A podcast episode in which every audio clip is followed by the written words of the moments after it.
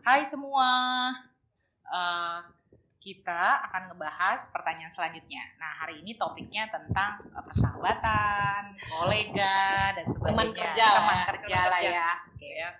Jadi Banyak ada soalnya yang iya nanya-nanya. ada yang nanya-nanya gimana Baru. ya Bu Ella dengan Bu Yuli gitu ya. Enggak, atau misalnya yang baru masuk kerja terus kaget, Ya. oh ternyata kayak gini ya teman kerja atau Ya. punya kolega itu seperti apa. Ya jadi yang biasanya eh kalau persahabatan di mana-mana ya eh, sebelum di teman kerja, kemudian teman sekolah dan sebagainya. Tapi mungkin kalau di dunia kerja agak berbeda gitu ya.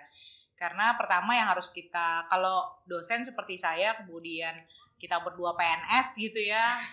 Kayak seumur hidup gitu. Kita kan. berhidup kayaknya kita dengan teman-teman, dengan Bapak Ibu dosen gitu Itu- ya. itu lagi. Jadi kita harus benar-benar memahami karakteristik setiap eh, teman kerja kita. Iya.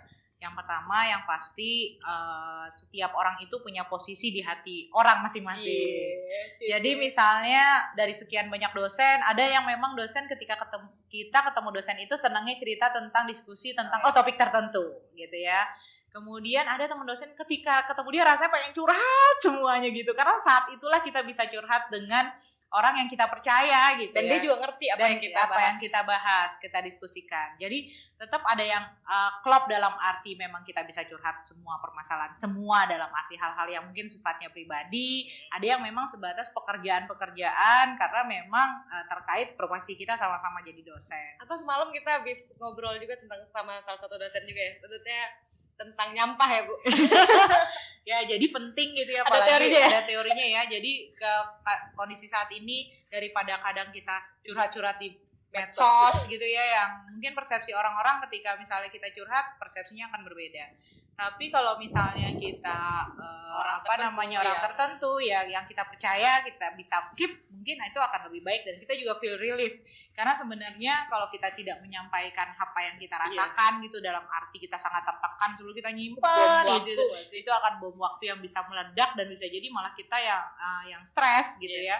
Dan kadang stres itu tidak kita sadari. Oh ya? Ah, iya, jadi waktu saya kuliah itu karena rasanya sebenarnya overload gitu ya pekerjaan dan apa yang harus dicapai, tapi diam aja gitu ya sampai akhirnya badan saya itu gatal tanpa sebab, terus sering Oh, keringat ke dingin, ya? jadi ke fisik. Jadi eh, apa namanya bahkan ketika ke dokter dibilang kamu mahasiswa S3 ya gitu ya, sama karena memang bebannya yang cukup eh, berat gitu karena kondisinya waktu itu juga lagi hamil gitu. Nah, eh, Atau mungkin biasa kali dokter-dokter dokter itu, menghadapi ya, Ah. menghadapi orang-orang yang eh, Stres-stres stres juga. gitu.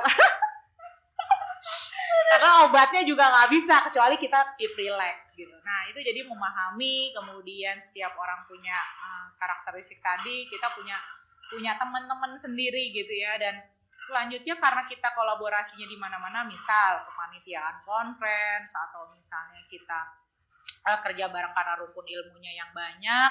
Jadi paling tidak kita harus memahami setiap orang itu bisa jadi kontribusinya terhadap sebuah pekerjaan kan beda-beda. Iya. Jadi yang kita harus pahami, oh dia bisa nih berkontribusi yang ini, mungkin dia tidak bisa berkontribusi yang ini. Dan kadang Nah. trust itu nggak bisa maksudnya dengan tiba-tiba datang gitu. Misalnya Iya. kita baru kenal nih, baru kerja. Ya, Ya nggak? eh, dan dan biasakan kita tidak langsung meluapkan apa saja ke orang-orang yang baru kita kenal gitu ya, karena bukan apa-apa kadang kok jadi akhirnya eh, apa yang kita sampaikan rasanya nggak pernah ngomong gitu deh gitu ya, jadi hal yang berbeda di tempat lain. Misinterpret. Mis- mis- misinterpret. Jadi hati-hati. Jadi tetap kita pak kita harus paham dulu konteksnya. Kita harus paham dulu orang yang akan dia menjadi teman baik kita gitu ya dalam hal pekerjaan, dalam hal eh, kehidupan yang sifatnya pribadi atau hal lain yang memang mem- apa menuntut kita untuk terus berinteraksi. Iya. Kadang gitu sih banyak yang misalnya teman-teman tuh yang apa entah itu guru ataupun dosen banyak yang kaget gitu kok kerja gini ya terus nggak kuat terus dia kok langsung ditegur atau Iya. apa gitu kadang kan misal kayak siap kalau mental. iya siap mental untuk yang seperti itu karena kerja itu beda dengan kuliah mungkin teman saya ada yang bilang gini bu eh, kerja itu kayak kuliah itu kita kayak disangkar emas Hmm. kita mungkin homogen gitu orang-orangnya Iya, itu itu iya. aja terus temennya itu itu aja mungkin kalau udah Hmm. keluar tuh kita ketemu dengan banyak orang yang berbeda karakter beda ini gitu kan kita nggak bisa kontrol gitu Hmm. dia pintar-pintar adaptasi juga sih dan itu memang soft skill yang penting ya kalau Iya. teamwork ya gitu adaptability Iya. adaptability adaptasi. dia terus kemudian kita juga harus berkolaborasi dan memang suatu kesyukuran sih kalau misalnya punya kolega yang apa ya bisa juga jadi sahabat ya nggak bu? Iya itu beda gitu ya. Oke mungkin itu aja tentang teman kerja gitu ya. Oh iya benar. Belum satu lagi. Gitu? Jadi jangan dibilang Bu Ella dan Bu Ili tidak pernah berantem berantem. Nggak cakar-cakaran sih. Berdebat berdiskusi tapi ya karena memang kita saling memahami karakteristik masing-masing ya udahlah. Dan kemudian karena kebetulan satu rumpun juga jadi banyak hal-hal yang harus sama-sama kita kerjakan gitu ya Ya. dan uh, saya pikir itulah uh, ada sih kayaknya maksudnya sebuah kayak kadang nggak nyambung kan? Ya, maksudnya kayak lu tuh nggak kadang beda beda persepsi kan beda persepsi. ya dan itu komunikasi di situlah yang paling penting. Penting komunikasi. Oke mungkin itu aja semuanya.